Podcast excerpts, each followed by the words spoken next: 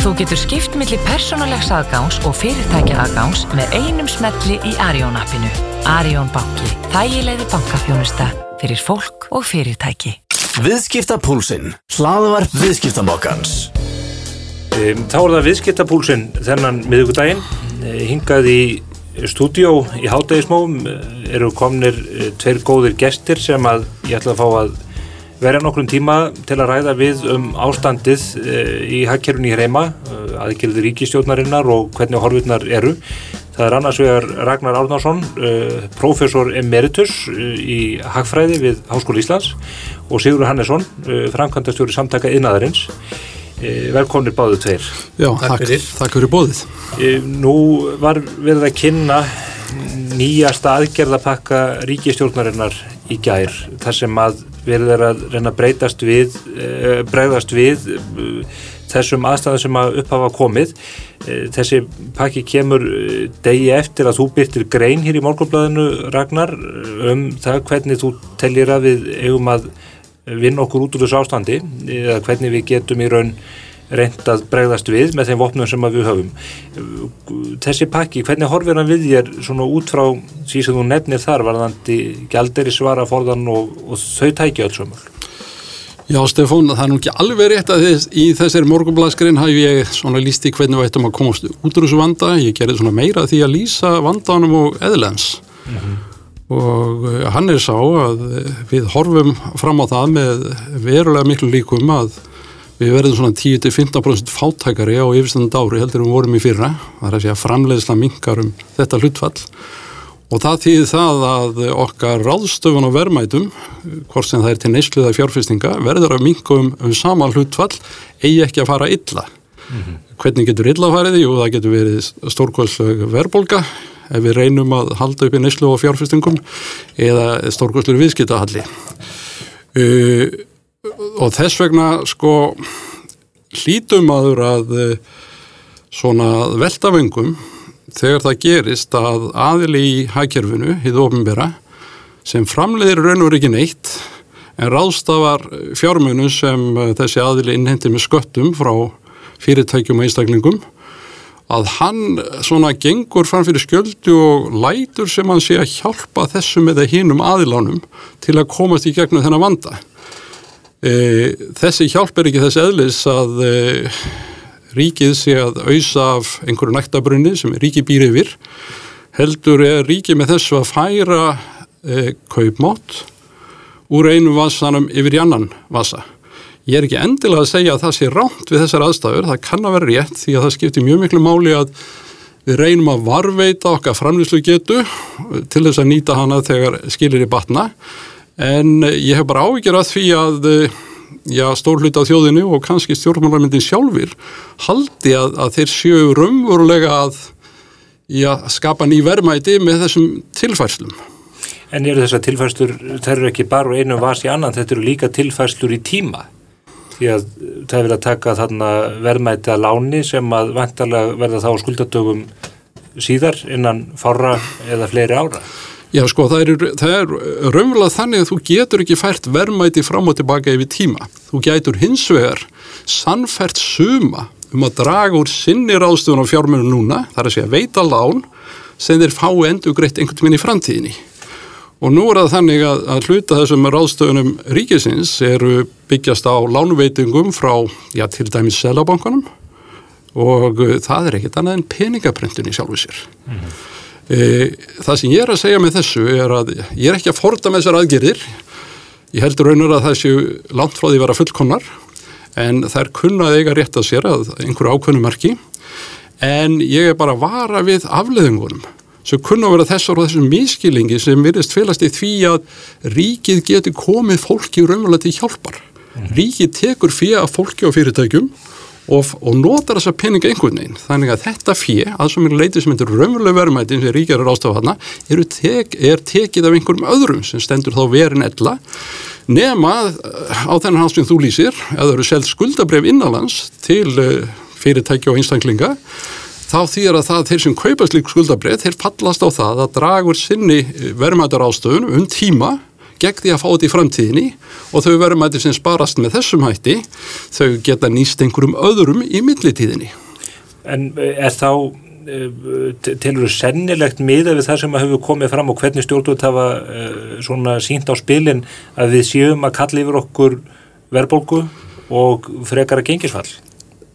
Gengi hefur nú þegafallið, mm. talsveit mikið við erum að tala um hvað, 15% í, í námöndu við það og er viðist ennþá verið að falla og það er ávísun á verðbólgu í framtíðinni nema þetta gangi tilbaka hratt og vel, eh, tiltrúlega fljótlega. Og uh, peningaprentun skapar sömulegis hættu á verðbólgu í framtíðinni e, en það er ekki þar með sagt að svo verðbólga verði, það er hægt að grípa til ráðstafinu millitíðinni til þess að koma í auk fyrir það. Það sem ég mestar ágjör af er að þessar aðgerið sé ekki nægilega vel hugsaðar ekki hugsaðar í botn og það hafi ekki nægilega mikil sérfræði komið af þessum aðgjörum þetta er svona, mér sínist að menn hafi svona gripið til ráða sem ég vil nú ekki beinleins kalla örþrjá ráð en, en ráða sem er ekki nægilega vel hugsuð og miklu lagar hugsuð heldur en gætu að hafa verið mm -hmm. Sigurður, þú ert búin að vantarlega líka yfir þessum uh, tillögum bæði fyrri pakka og síðan þeim sem að nú hefur verið kynntur því að þetta ástandu komið mjög við uh, þína félagsmenn sem að eru auðvitað fjölbreyttur hópur, 1400 fyrirtækja ef ég maður rétt, víða í yðnaði og, og þjónustu ímeskonarinn. Hvar, hvernig horfir þetta við þér, ertu ja, svart síðan á, á þessar aðgerðir og, og ragnar? Um, sko það sem ég held að skipti máli í þessu er að uh, sko yfirlýsingar ríkistjónarinn um það að það verði gert meira ef þarf. Ég held að það séu góð skilabóð fyrir fyrirtækin og við finnum það að sko við þjá samtökum innar eins og við talað núna átt samtöl við á 1500 félagsmenn núna á síðustu vikum. Og ég held að sé alveg óvægt að segja það að hljóðið hefur svona þingst verulega í félagsmennum eftir því sem maður líður á Þrátt fyrir þessa aðgerða, allavega fyrir aðgerðapakkan Já, af því að auðvitað ástandi er smám saman að verða raunverulegra. Eh, fallandi eftirspurn og, og náttúrulega heil mikil áskorun ofta tíðum að halda sko starfseminni gangandi tilfæringar og og annað. Þannig að við sjáum það og uh, aðgerðinar sem slíkar eru uh, að mörguleiti bara ágætar, þú veist það er, þetta eru það undirbúinur á skömmun tíma þannig að, að geta alveg tekjundi það sem Ragnar segir að, að, hérna, að þegar það hafa verið kynntar eru þetta ymsið lausir endar en ég held að viðletnin sé hins vegar góð. Uh, og líka það að, að koma til mótsvið fyrirtækin vegna þess að það er auðvitað það sem skiptir heimilin í landinu langmestu máli. Ef við komum til dæmis inn í orðræðu löndægarhefingarinnar mm -hmm. að besta vörnin fyrir heimilin lítur að vera það að fólk hafi atvinnu og, og þar leðandi sér afkoman tryggð. Að þess vegna skiptir svo miklu máli að halda þessari ringgrás haggerðisins gangandi. Um, það sem að gerist náttúrulega og kannski hjálpar einhver leiti til varandi gengisfallið er uh, samkjömsæfnin samkjömsæfni í Íslensk hagkerfis þannig að uh, landsmenn geta þá mögulega í meira mæli snúið sér að því sem er framleitt og, og gert hér á landi uh, vegna þess að það verður einfallega hagkamara fyrir vikið þannig að það verður mjög áhugavert að sjá svona þegar líður ári hver áhrifin að því verður vantilega mun hlutdeild þá eh, innlendra framlegenda aukast eh, sem er svipað við sáum 2009 til að mynda. En það speglar vantilega líka inn í samkjöfnishæfni gagvart því að draga hinga ferðamenn, það er ódýrar að fyrir þá að eh, koma til landsins eins og Yngvi Harðarsson bendir á í samtali við viðskiptamokkan í morgun. Sömuleiðis varðandi þau yðinfyrirtæki sem við höfum hatt áhyggjur af til dæmis álverði Strömsvík og fleiri, þetta lítur að vera jákvægt eh, svona eh, einslagi þeirra, þeirra útreikninga á, á lífanleika fyrirtækjana? Já, þetta hefur jákvæð áhrif á, á auðvitað mörg fyrirtæki og marga greinar en, en neikvæð áhrif á aðra byggingariðna til dæmis sem að það flytja mikið af aðfengum inn mm -hmm.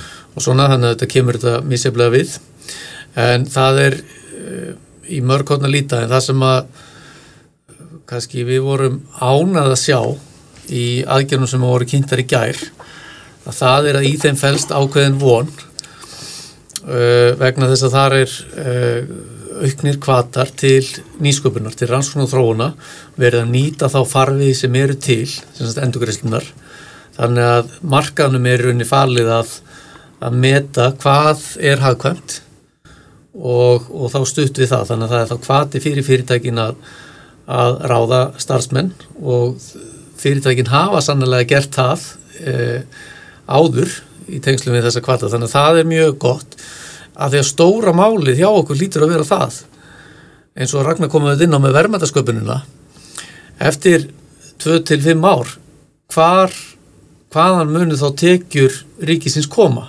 mm. því við sjáum það að áður en að eh, koronaveiran fór að breyða úr sér yfir alla heimsbyðina að þá voru blikur á lofti í efnagslífinu það voru óveðuski yfir Íslandi í efnagslegu tilliti og, og þetta veltum við fyrir okkur hvaðan framtíðavöxturinn ætti að koma. Mm. við höfum nýtt öðlindinda mjög vel í sjáurút við orku öðlindirnar og svo náttúruna sjálfa til dæmis með í gegnum ferðarþjónustuna en hún er auðvitað takmörkuð svo leiðis að þetta var spurningin áður en að þessi skellur varð. Hvaðan ávöxturinn að koma? Þannig að við hefum ennþá eftir að svara þeirri spurningu og þess vegna er er jákvæmt að sjá þess áherslu á nýsköpununa. Við höfum líka verið að einblýna um of á eina grein í einu. Á fyrsta áratöðu þessar aldar þá var það fjármálaþjónustan, mm -hmm.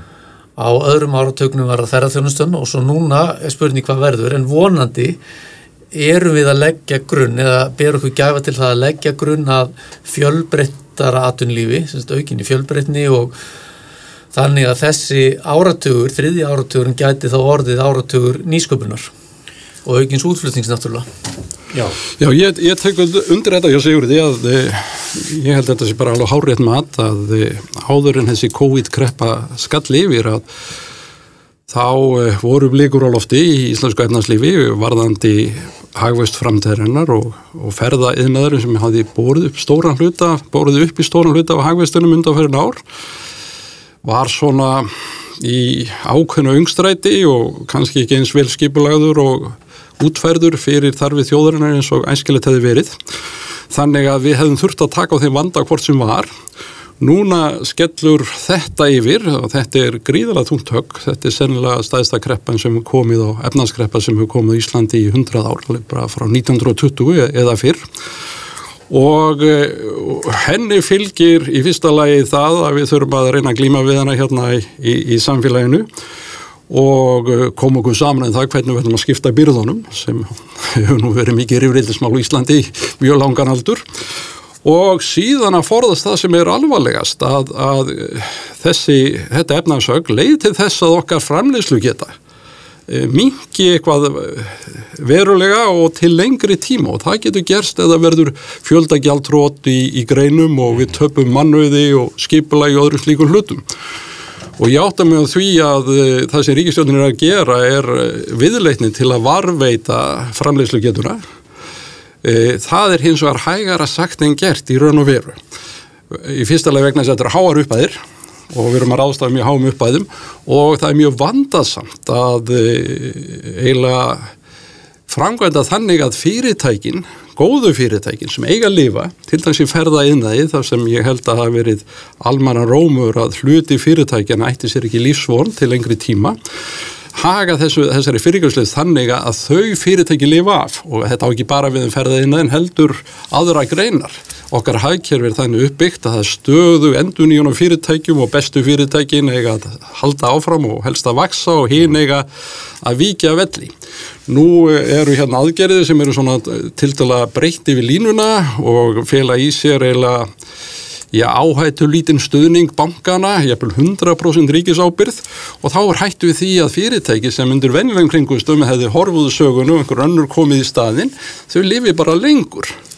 Sko kjarni málsins er raunverulega þessi og við þurfum að horfast í augu við það sem þjóð. Við eigum 10-15, kannski 20% minna fjárumunum á yfirstandu ári heldur en við höfðum í fyrra.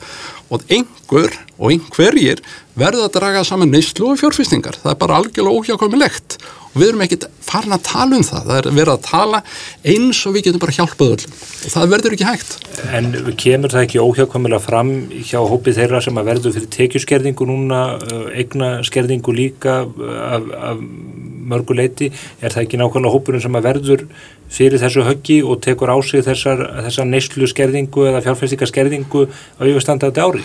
Jú. Er þetta ekki í raun og veru sjálf útdelt með í, í afleiðingum þessara atbyrða? Þessu er ekki sjálf útdelt og uh, við viljum það ekki einu sinni mm -hmm. og hið ofinbera er á fullri færð við það að endur raða þessum byrðum, það er að falla á tiltegna aðtunum vegið þingar en aðra, svona í upphafi hið ofinbera er að endur raða byrðunum með það í huga held ég að, að, að, að við getum endur vakið okkar aðtunulíf af fullum krafti þegar skilir þín skána mm og það sem ég er að segja er bara það að við sem heilt og kannski allir í samfélaginu þurfa að taka á sig kjaraskerðingu. Og það er um að gera þessi stuðningur sem við verum að veita í mjög ríkum mæli hann fara á sin réttasta staði mm -hmm.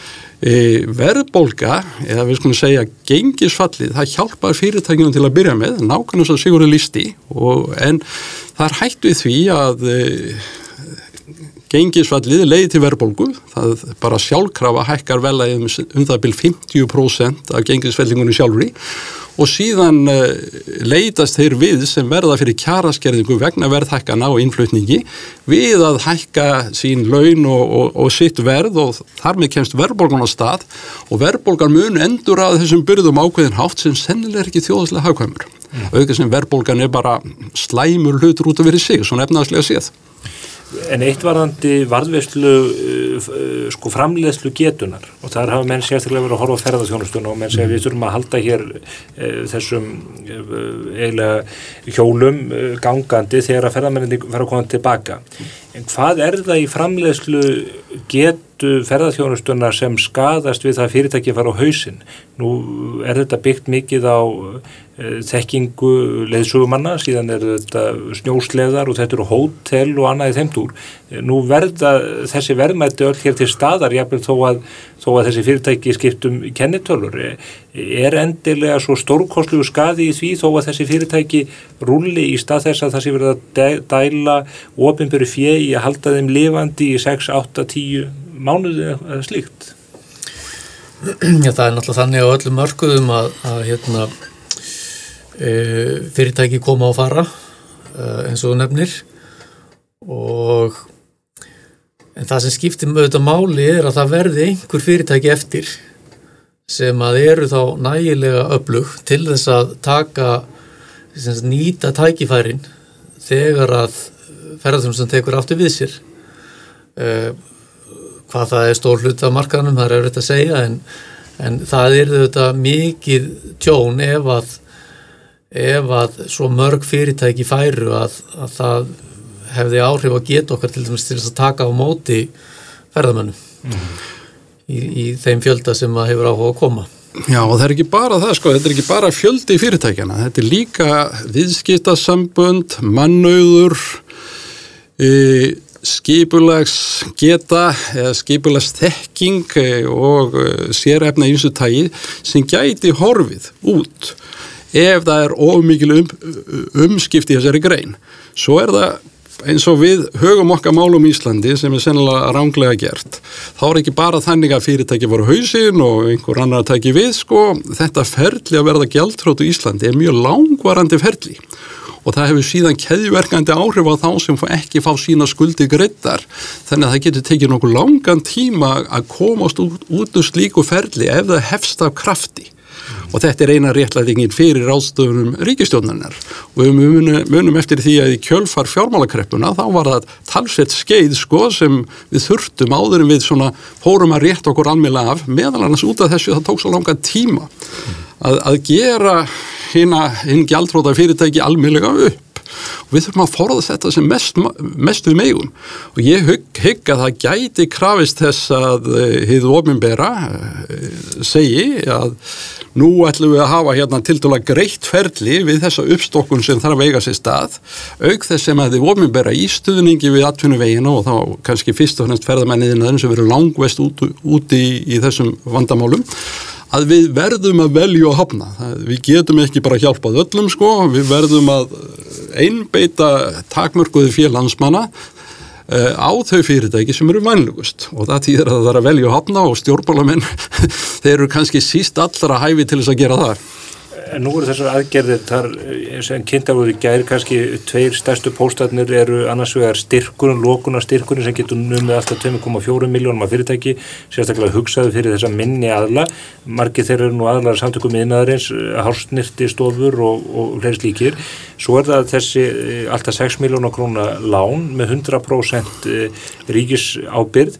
Er ekki hægt við að þessar aðgerðir sem að fjalla í sér annars vegar styrkveiting á uppfylltum tilteknum skilurðum en þó fremur almennum, síðan 100% ríkisábyrð, að þetta feli í sér einmitt það að það verði drita út peningum á fullt af aðlum sem að hreinlega með réttu ættu að rúla og, og þyrtu að fara í gegnum um, svona, maður myndi segja, eðlilega endurskipulagningu í aturlífun. Mm -hmm. Sko ef við komum aðeins inn á þetta þá held ég að, að fyrra úrraðið, fyrri aðgerðin, lokunastyrkurinn hafi verið algjörlega nöðsynlega vegna þess að hún beinist sérstaklega þeim sem að sko, máttu ekki starfa fyrir tilstilli ákvarðana stjórnvalda. Mm. þannig erum að ræða sko, rekstu sem bara varða skella í lás. Þannig að þess vegna finnst mér það uh, fyllilega eðlilegt að það sé komið til móts við þann hóp um, með hlýðsjón á þessum aðstæðum. Varandi lánin að þá auðvitað er það öruglega verður þetta til þess að einhverjum fjármunum verður sóa þar að segja fjármunum fara þánga sem þeir hefði ekki átt að fara. Um, af því að þetta er auðvitað tiltöla almennt uh, það er ákveðin skilir sem þarf að uppfylla og, og, og ef þau eru uppfylla þá er fyrirgreislan veitt og þarf að mynda göttunum en tjónið af því að gera það ekki eða þá að fara nánar út í saumana á hverju einasta tilviki fyrir sig er vantilega mun kostnæðasamara fyrir samfélagið heldur en að, að einn og einn fari í gegn sem maður kannski hefði ekki átt að fara í gegn. Mm -hmm. Þess vegna finnst mér svo, sko þessi, það svo aðgerð vera svona útlínutnar allavega eru svona sæmilega skinsanlegar sínast þér þessi lókunastyrkir vera nægilega háir í flestum tilveikum. Nú er verið að tala með um auðvitað, hagkerfi byggir á svo stóru hluta á fyrirtæki sem eru bara með til fimm starfsmenn en vantarlega er samt fjöldi fyrirtæki sem að hafa orðið fyrir í raun bilmingshöggi vegna þess að þeim var gert að loka höggi sem er, er miklu miklu umfásmeir en þessar 2,4 miljónir. Mm -hmm. um, hefði ekki þurft að, að hafa þetta stærri sniðum? Að þeim ástöðum? Á nefa. Ég geti bara bæta við þetta svo sjálf í skýrt að ég held að þessi lókunastyrkir sko e, þeir eru að minnstakast að hluta réttlættir eða réttlætanlegir með því að þessi aðgerð að ofmibæra aðilar banna fyrirtækjunum rekstur, -hmm. félur í sig skadabótaskildu. Þetta, þetta er ekki sannkjart í samfélaginu þannig að það skadabætur það má segja þessu skadabætur og ef þetta eru skadabætur að þá má veltaði fyrir sig hvort að þessi hæfileg eða of lág eða of há. En ég held að e, það myndi verða dæmt þannig fyrir dómstólum að þessi fyrirtæki er rétt á, á viðegandi bótum. Mm -hmm. og að, að þessu leiti er þetta allt annað heldur en það þegar hefur ofinbæra hefur umlega frumkvæðið því að fyrirtæki sem hafa lendi utan að komandi vanda getur við sagt að þau fái fér til þess að þau geti halda á að reyka sjálfsig. Mm. Ég er ekki alveg bjart síðan eins og sigur over á það að þessi rekstra styrkur eh, eða 100% ríkis ábyrða lán til alltaf í 10.000 fyrirtæki í landinu upp á 6 miljónur per stykki, alltaf í 60 miljardar að það verða eins lítið hluta því sem er félur í sísón. Ég held að það gæti verið mjög verulegur hluti og egnast það fyrir gegnum bankana þá held ég að, að bankastofnarnir sem standa fram fyrir því að hér er einhver aðli sem, sem vil fá lán og ríkið er reyðbútið að ábyrgjast að 100% að, að þeir horfi ekkit alltaf mikið á lántakandan í slíkum tilfellum en það myndið vera gaggrindi fyrir og þá meðum við ekki gleyma því að þessar upphæðir sem fara til þeirra sem eru mest þurfandi hefði verið hægt að nota til þess að hjálpa öðrum aðilum sem eru miklu vænlegri fyrir þjóðabúið í framtíðinni. Mm það er sennilega holdt og bolt að þá er það sennilega fyrirtækin sem eru vænlaustu framtíðar sem þurfa að minnsta aðstóð núna. Ekki engöngu en svona að jafna því.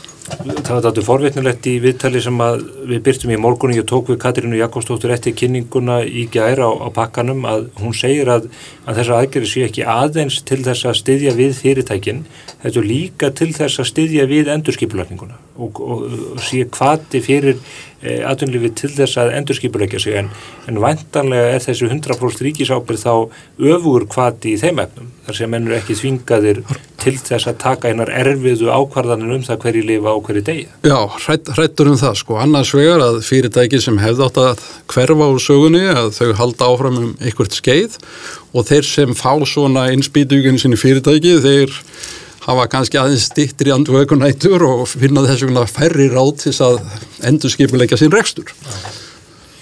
Menn sofa þá allavega betur Já, frá heilbyrðið sjónum er þetta vafalust, ekki mjög villust Eitt sem að ég spurði Katrínu út í sem að það verðist vera mjög viðkvæmt að tala um það en en eh, svo verist vera sem að þessar ákvarðanum, þessar uh, ekstensífu lokanir hafi verið teknar einhliða af læknum, sótvarnalækni og þeim sem að er að velta fyrir sér veirinu sem slíkri. Ég spurði fórsættisáður að út í þetta reyndar oftar en eins og oftar en tvísvar hvort að það hefðu verið kallaðir að borðinu sérfæðingar til að leggja mat á möguleg önnur áhrif á lokunum, það er að segja efnagslega áhrif sem að þetta geta líka haft eh, helbreyðis afleiðingar í förmið sér, ekki síst ef að uh, höggið er slíkt að helbreyðiskerfið verður mjög laskað og eftir og annað. Hafið þið skoðun á því að menn hafi ekki, að því að nú hefur þetta, þetta verið ákvæðan sem eru teknar yfir lengri tíma en bara í hendingskasti, þetta er, eh, þró, er mál sem er að þróast svo vikun skiptir, hefði ekki verið eðlilegt að stjórnvöldum að kalla saman sérfæðingahóp uh, úr ólíkum áttum til þess að reyna að átta sig á kostum og göllum ólíkara leiða í þessum efnum? Það hefði verið það og ég spyr sko hverju svaraði fóstinsfráður að þú spurðir? Hafði slíkt samráð átt sér staðið ekki? Ég, eins og það byrtist í viðtalinu eins og ég skildi það og ég tek nú fram að viðtalið lesið yfir af fórsætsáður og hennar aðstóðarmannum að, að það hafi ekki verið gert mm. hins vegar hafi yfirvöld kalla til eh, ráðgjafar við sig eh, hagfræðinga meðal annars Sæðlabankarstjóra og aðalhagfræðing og fleiri eftir að þessar ákvæmum voru teknar til að leggja mat á aðgerðunar en það er annað að leggja mat á aðgerður eftir að það eru konar til framkvæmda heldur en áður að ráðist í þær Já og það er annað að leggja mat á afleiðingarnir heldur en það hvort að er að vera skinsamar Já. Sko ég, ég held að þetta bara blasi við að e, þessar ákvarðanir e, gerðar á grundvelli heilbreyðisjónum í það eru ekki endilega í samramið þjóðhagslega hagsmunni heild. Heilbreyðismál eru hluta þjóðslegum hagsmunum. Við verðum bara að horfist auðvitað við það. Og e, þess vegna hefði þessar ákvarðinir þurft að fá já, innlegg frá hagfræðalum sjónamiðum og félagslegum sjónamiðum og ég er nú einn af þeim sem horfist stundum á þessa e, blada mannaþætti þrýjeikisins og læknandinn þar þeir hafa sagt hvað þetta er annað þar á meðal sótandalæknir að þetta sé frá heilbriðsjónamiði sem þess að til eru lagða fram. Og það er þá hlutverk hins ofinbera sem hæfingar aðila að vega og meta mismunandi hagsmunni samfélagsins. Og eh, ég hallast að því sjálfur og þarna hefur kannski verið heldurlánt gengið og svo spurning hlítur að vakna hvort það hefði ekki verið hægt að hafa þessi litlu þjónustu fyrirtæki opinn ef gerðar hefðu verið sérstakar varar og ástafanir sko, til dæmis hanska og grímur og, og eitthvað í þeim dúr. Og sérfæringa geta bent á það hvernig þessir, þessi þjónusta getur verið ynda hendi með örugari hætti. Mm -hmm. Ég teki undir þetta akkurat að uh, heilbriði sjónamiðinu þetta hafa komist mjög vel til skila En það er vissulega hlutverk stjórnvalda að taka önnu sjónamið með reikningin, sér í lægi efnaðslega sjónamið. Þannig að uh, svona allavega til að byrja með held ég að það hafi kannski skort aðeins upp á það svona á, á, á fyrstu dögum og, og vikum ástansins þó að það hafi kannski verið gert á meira mæli eh, eftir því sem á líður.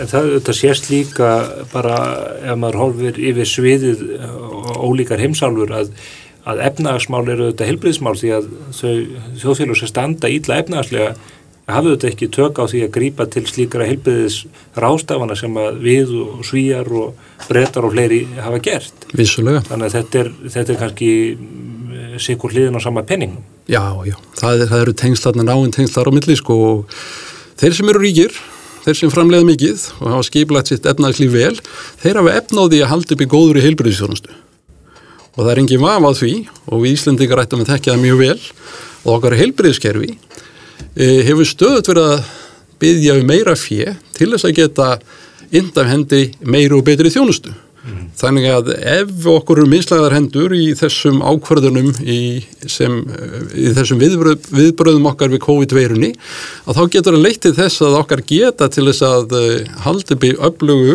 fyrst álust heilbyrðiskerfi í framtíðinu verði lagar en ella mm. og það kostar þá líka mannslíf og uh, þjáningar sem fylgja helsuleysi.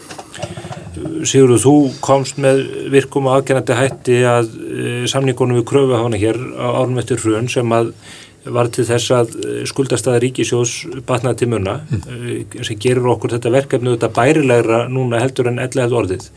E, nú segir fórsættisáður að eins viðsmyndin sem að velsi upp sé svo að ríkisjóðu verði reygin hér með 250 miljardar hall á þessu ári mm.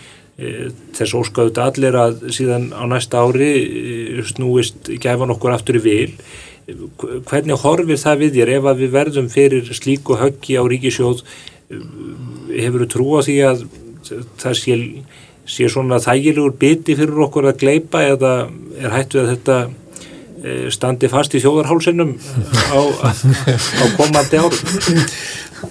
Eins og þú nefnir að þá þetta erum við í mjög sterkri stöðu og við tókum réttar ákvarðanir hér á síðasta áratug. Um, auðvitað ímsa rángar en, en vonandi fleiri réttar þannig að staðan okkar er mjög sterk. Uh, við, ef við sko, kosum litið til skuldastöðu heimilana sem er, er með því lægsta sem verið hefur sem hlutallar landsfæðumslu í 20-30 ár, eitthvað svo leiðis skuldi fyrirtæki hafa náttúrulega lækka verulega á síðasta áratug og, og skuldi ríkisjós sömu leiðis Erlendastaðan er gjörbreytt allt í einu eigum við eh, um, um með yfir 20% af landsfæðanslu meiri eignir elendi sem við skuldum en höfum yfirleitt verið og eiginlega alla tíð verið hinum megin við nullið. Þannig að þetta gerir okkur auðvitað kleift að takast á við við þessa stöðu þannig að svona að því gefnu að við náum okkur á stryk aftur að þá kannski hef ég ekki sérstakar áhyggjur á þessu en fórsendan eru þetta þessi eins og nefnt var áðan. Verðmæti þurfa að vera til. Mm -hmm. ríki þarf að fá einhverja tekjur í framtíðinni til þess að geta þá staðu undir uh, rétt sína stöðu við og ný eftir þetta áfall. Og það er þetta það sem við þurfum þá að hugsa um hvernig verða þessi verðmæti til? Það sem við þetta höfum lagt áherslu á núna í í svona 1,5-2 ár er að það sé mótuð eitthvað sem við getum kallað atvinnustefna eða industrial strategy. Nú það er margi sem að rökka við þegar þeir heyra þetta orð því að í gegnum söguna eða gegnum tíðina hefur það haft svona ymsar merkingar. Fyrir segjum 100 árum gekkit út af það að hefur ofnbæra ætti kæmi með beinum hætti að rekstri um, fór svo yfir í það að hefði ofnbæra veldi sigurvegara veðjaði á tiltekna greinar með misjöfnum árangri. Þannig voru til dæmis framleitir framleita bifræðar í Breitlandi með þremur hjólum en ekki fjórum fyrir, fyrir atbeina þessara stefnu.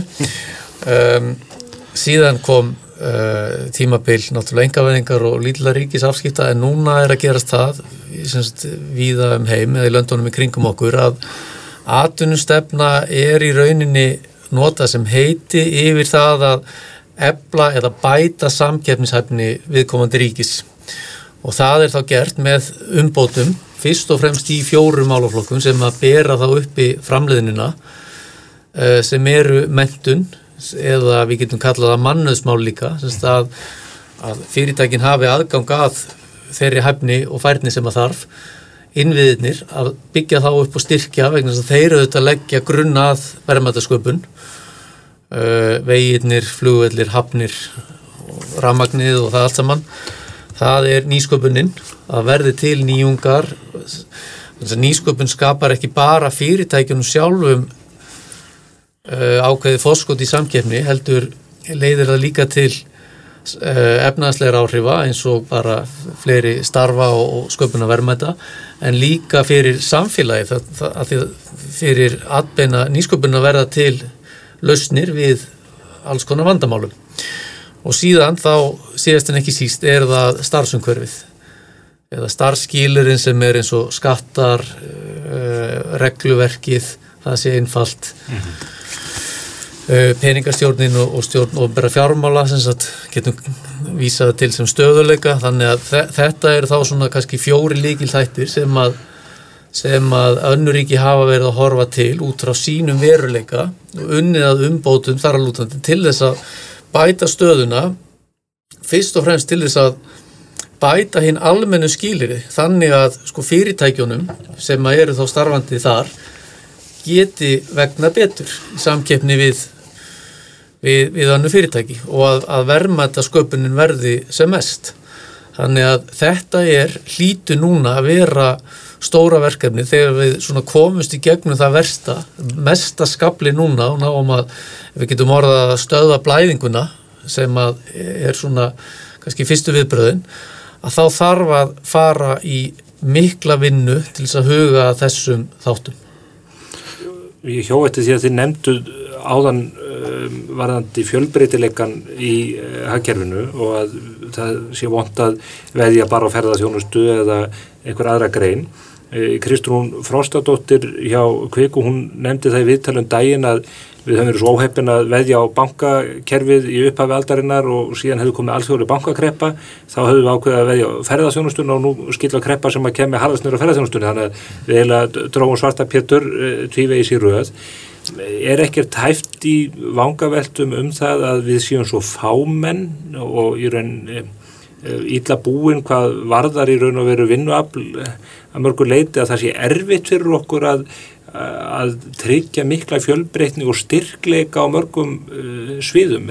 Er það ekki kannski bara eðlislegt samfélagi sem er byggt upp eins og okkar að, að einhenda sér í verktíðana þar sem að uh, sá gulli gefur sig Já, ég er einu að svara þessu að uh, sko vegna fáminnis og Íslandi að uh, þá getum við ekki haft mjög marga og fjölbreytt atunvegi og eh, ef við viljum vera með vísu eh, hluti á starra efnarskerfi og skilin á milli hins íslenska efnarskerfis og starra, hins starra efnarskerfis kringum okkur eru óljósverið þannig að fólk fer aðna mikið fram og tilbaka og fyrirtæki.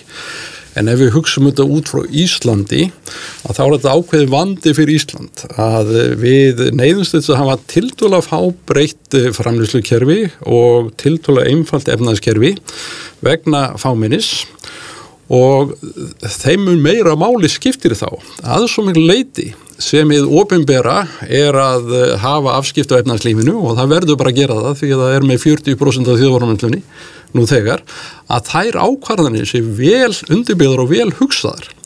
Og ég verða að segja fyrir mitt leiti að ég sé ekki þær stopnarnir í samfélaginu sem ríkið að setja upp e, vera fyrir hendi sem eiga að sinna þessu hlutverki og ég held að þetta komi, hafi komið mjög skýrt fram í núrendi kreppu. Það er ekki, virðist ekki vera tæknileg geta, þekking og innsægi fyrir hendi í stjórnkjörunum til að takast á við þennan vanda.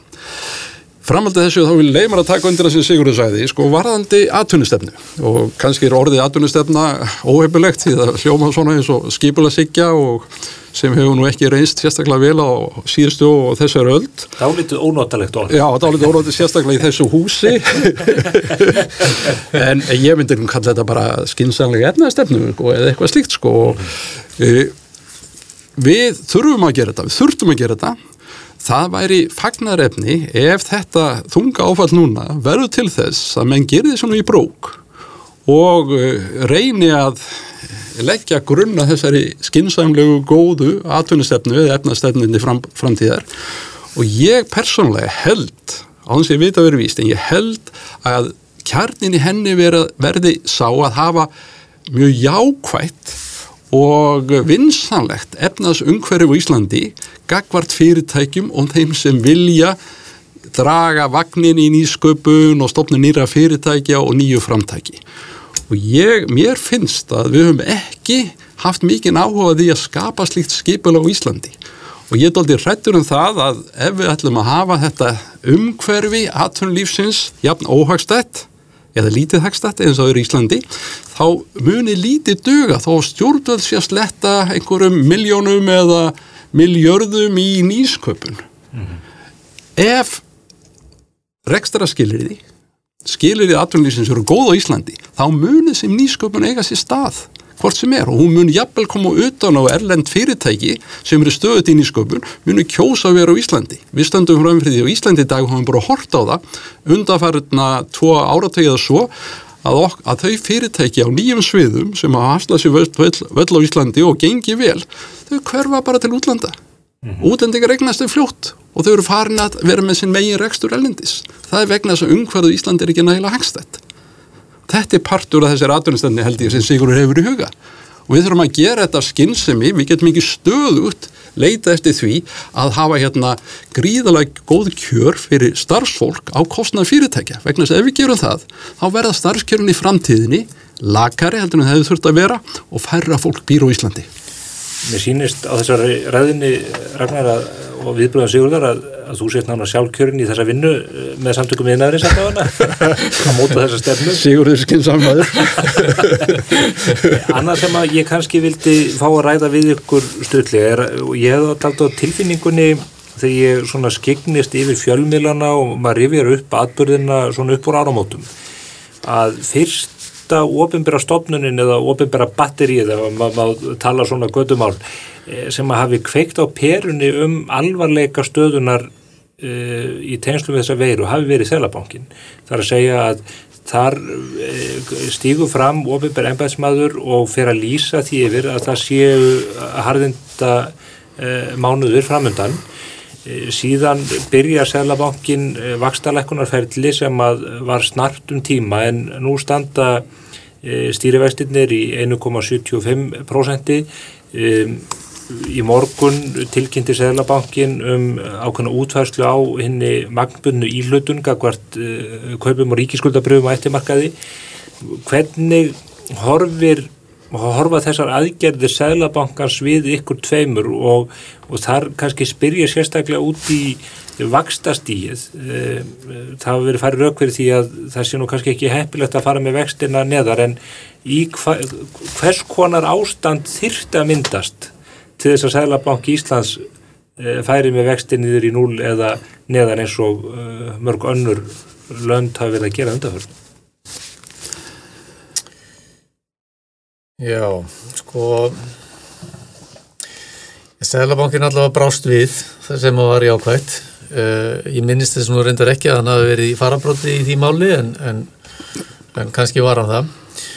Hann allavega svona fór að læka vexti og, og eins að, að breyta eigin fjárhaugunum, taka, mm -hmm. læka þá sem var mjög gott fyrir bankakerfið og, og bindi skildan og fleira, þannig að það var, það var mjög jákvægt um, sko það sem að er áhugavert ef maður skoðar aðeins stórumyndinni hér þess að ríkisvaldið sveitafélug, seðlabankin sko fjármálakerfið, sem sagt bankarnir og, og lífeyrisjóðir hafa öll sko allir þessir aðelar hafa lagt sitt að mörgum til þess að reyna að, að draga úr áhrifunum af eða afleiðingunum af, af COVID en það er mjög áberandi orðið hvað einn aðili verðist ætla að sitja hjá og það er verkefliðsefingin mm.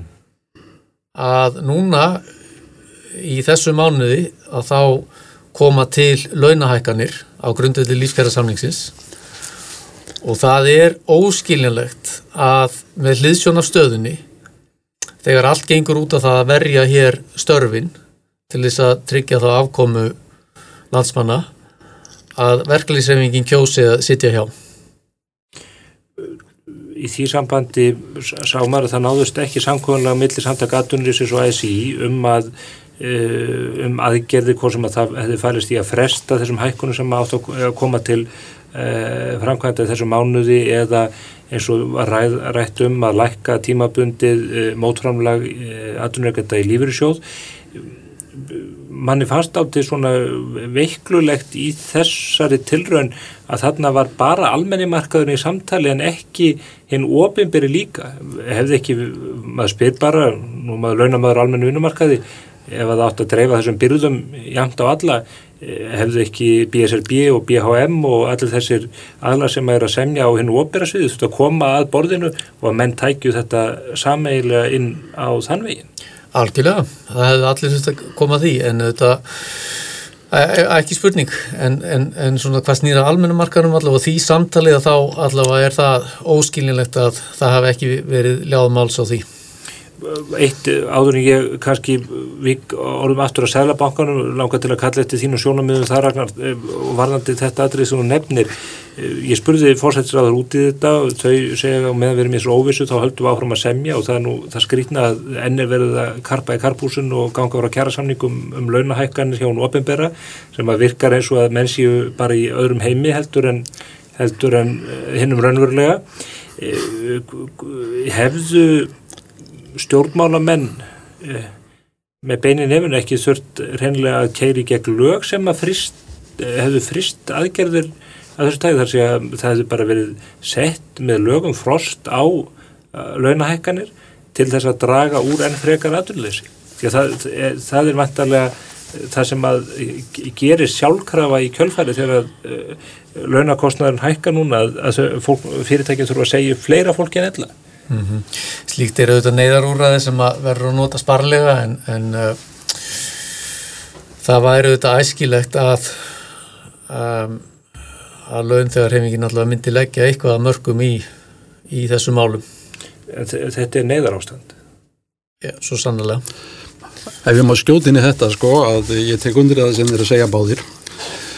E, staðrindinir er hins vegar þær að það er óhjákvæmilegt að eðslugeta eða neyslugeta samfélagsins mingi um 10-15% árun, kannski 20% ef vilja gengur og e, veiran svona hangir verður viðlóðandi lengur heldur en vonistan til og e, þess vegna verður verður samfélagi að taka þetta á sig einhverjum hætti. Það er að það rýfast um það endalust. Hver eigi að bera hvað mikið af þessum byrðum? Ég held að svo viðlitni og ég held að þessi svona harða afstæða verkefælisreifingarinn sem Sigur var að lýsa núna um þessa myndir séu partur af því reiptói um það hver á að bera þessa byrðir. Það má gera þetta endalust en þetta er eins og skemmt að skrattanum því að sama tíma eru, verðu, höfu orðið fyrir þessu áfælli og viðfangsefnir er að komast út úr því þannig að við getum sprottið tilbaka hratt og vel en meðan við erum að rýfast um byrðarnar þá erum við að eigða tímanum og getunni til þess að komast tilbaka. Þetta er satt að segja afskaplega neikvægt og ég tek undir það líka það sem þú segir Stefan. Ég held að e, stjórnvöld sem alltaf standundi nafni hefðu átt að taka frumkvæði því að segja góða þjóð, nú stöndum við framfyrir einhvern mesta vanda, efnarsvanda sem staði framfyrir, nú verðum við öll að taka kjæraskerðingu, við skulum byrja á toppanum og fara alveg niður og ef menn gerir þetta ekki frú, að frúsum, fúsum og frjálsum vilja öll samtök, launasamtök landsmanna og helst, helst fyrirtækin líka varðandi argreislur og fleira þá munum við send, setja hérna lög til þess að tryggja það gerist mm. þetta er skársta leiðin en þetta krefst frumkvæðis og framtags stjórnvalda sem ég hef nú ekki séð svona í allangan tíma gerast. Nei og, og auðvitað þarf að fara sparlega með svona aðgerð, það er rétt. Að rifjast upp saga sem einhvern tíma sögð af konun í Breitlandi í setna stríðinu sem að húsið var sprengt utan af henni og hún lá í öngviti og svo ætluðu mennar reyna svona hressana við og ætluðu að opna brandiflösku sem að fannst óbrotin í húsinu en þá reys hún upp í dokk og saði nei drengir þessi, þessar flösku bara noti neyð. Og það er kontið í þessu ástætti núna það er oft verið að benda á það segja að menn grýpa nú ekki til slíkra aðgerðanum í neyð en, en líklegast hefur neyðin aldrei verið stærri en, en akkurat núna. Já, vextirnir hjá Sælabankanum er, er varasamt að létta ennfrekar byrðunum á kerfinu með því að færa vextina niður? Eða erum við komin niður í eitthvað raun golf vakstastiks á Íslandi eh, sérstendur? sko þetta, þetta er dálítið erfitt mál, satt að segja sko Við Vextir vorum búin að ræða léttum málinn þá vildi ég fara út í erfiðum málinn sko. já, já, þegar ég segi þetta sé erfitt þá er þetta svona fræðilega dálítið erfitt eða, eða semst út frá semst hagfræðilega nokkuð erfitt. E, sko í fyrsta lega eru vextir. Þetta er verð, leiguverð á pinningum þetta er svona eins og leiguverð húsnæðis. Og það er satt að segja óheppilegt að einhver aðil í hækjunum ætla að möndla með þá svona upp og niður. Og raunverulega Í öðru lagi stöndum fram fyrir því að við höfum orðið fyrir sem þjóð og þjóðfélag fyrir gríðalegri kjaraskerningu. Við þurfum umfram allt að spara þar að sé fá fólk sem draga úr neistlu og fjárfestingum og hvernig er það gert í markaskerfunu, hvernig gerist það í markaskerfunu? Vextir hækka. Til þess að laða fólk til þess að spara meira og til þess að draga úr vilja manna til að fjárfesta. Það er viðleitnin til þess að færa neysluna yfir í framtíðina. Og við þurfum á því að halda vegna þess að við höfum bara miklu minna til skiptana núna. Á hinbógin eru vextir kostnaður fyrir fyrirtæki. Og þess vegna er þessi miklu þrýstingur á að lækka vexti til þess að minka kostnaðin og, og það er náttúrulega þannig að vextinir enda í bunkunum og engum þykir væntum bankana. Þetta eru tekið bankana þannig að það er svona ákveðin félagslegi þrýstingur þess átt. En ég held satt að segja þetta svo óhefilegt að það veri miklu betra að allir þessi stuðningur og atvinnulífið fari þá sé þá í þeirri mynd að þetta sé niðurgröðsla vöxtum frekar en eitthvað annað. Vegna að ég held í raun og veru að raunmurlegi vextir í landinu verða að hækka ef við ætlum að komast út úr þessu án mikillara verbulgu og leið og við lendum inn í verbulgu hringrásinni þá verður svona ákveðin upplýsing í samfélaginu og fjárfestinga verða vondar, neyslu ákvarðan verða vondar, það verður brenglun á því hvernig fólk eði peningunum sínum. Og við lifum þessa tíma nokkra áratví við viljum ekki fara þangað aftur. Það er óheflegt fyrir aðtunustefnuna og byggja upp gott Íslands takkjöri. Þannig að þér líður ekki dýla með vextina í 1,75% er svo ástandið núna. Ég vildi miklu, ég vildi gerna hafa miklu hæri vext á innistæði mínum í bunkunum en það er mitt persónulega sjóna við. Nei, ég held að það sé það, það, menn sé ekki að horfa á réttan hlut, þeir verður svona eh, starfsýnd á vextina. Mm -hmm. Sigur, hvernig horfur þetta við þér?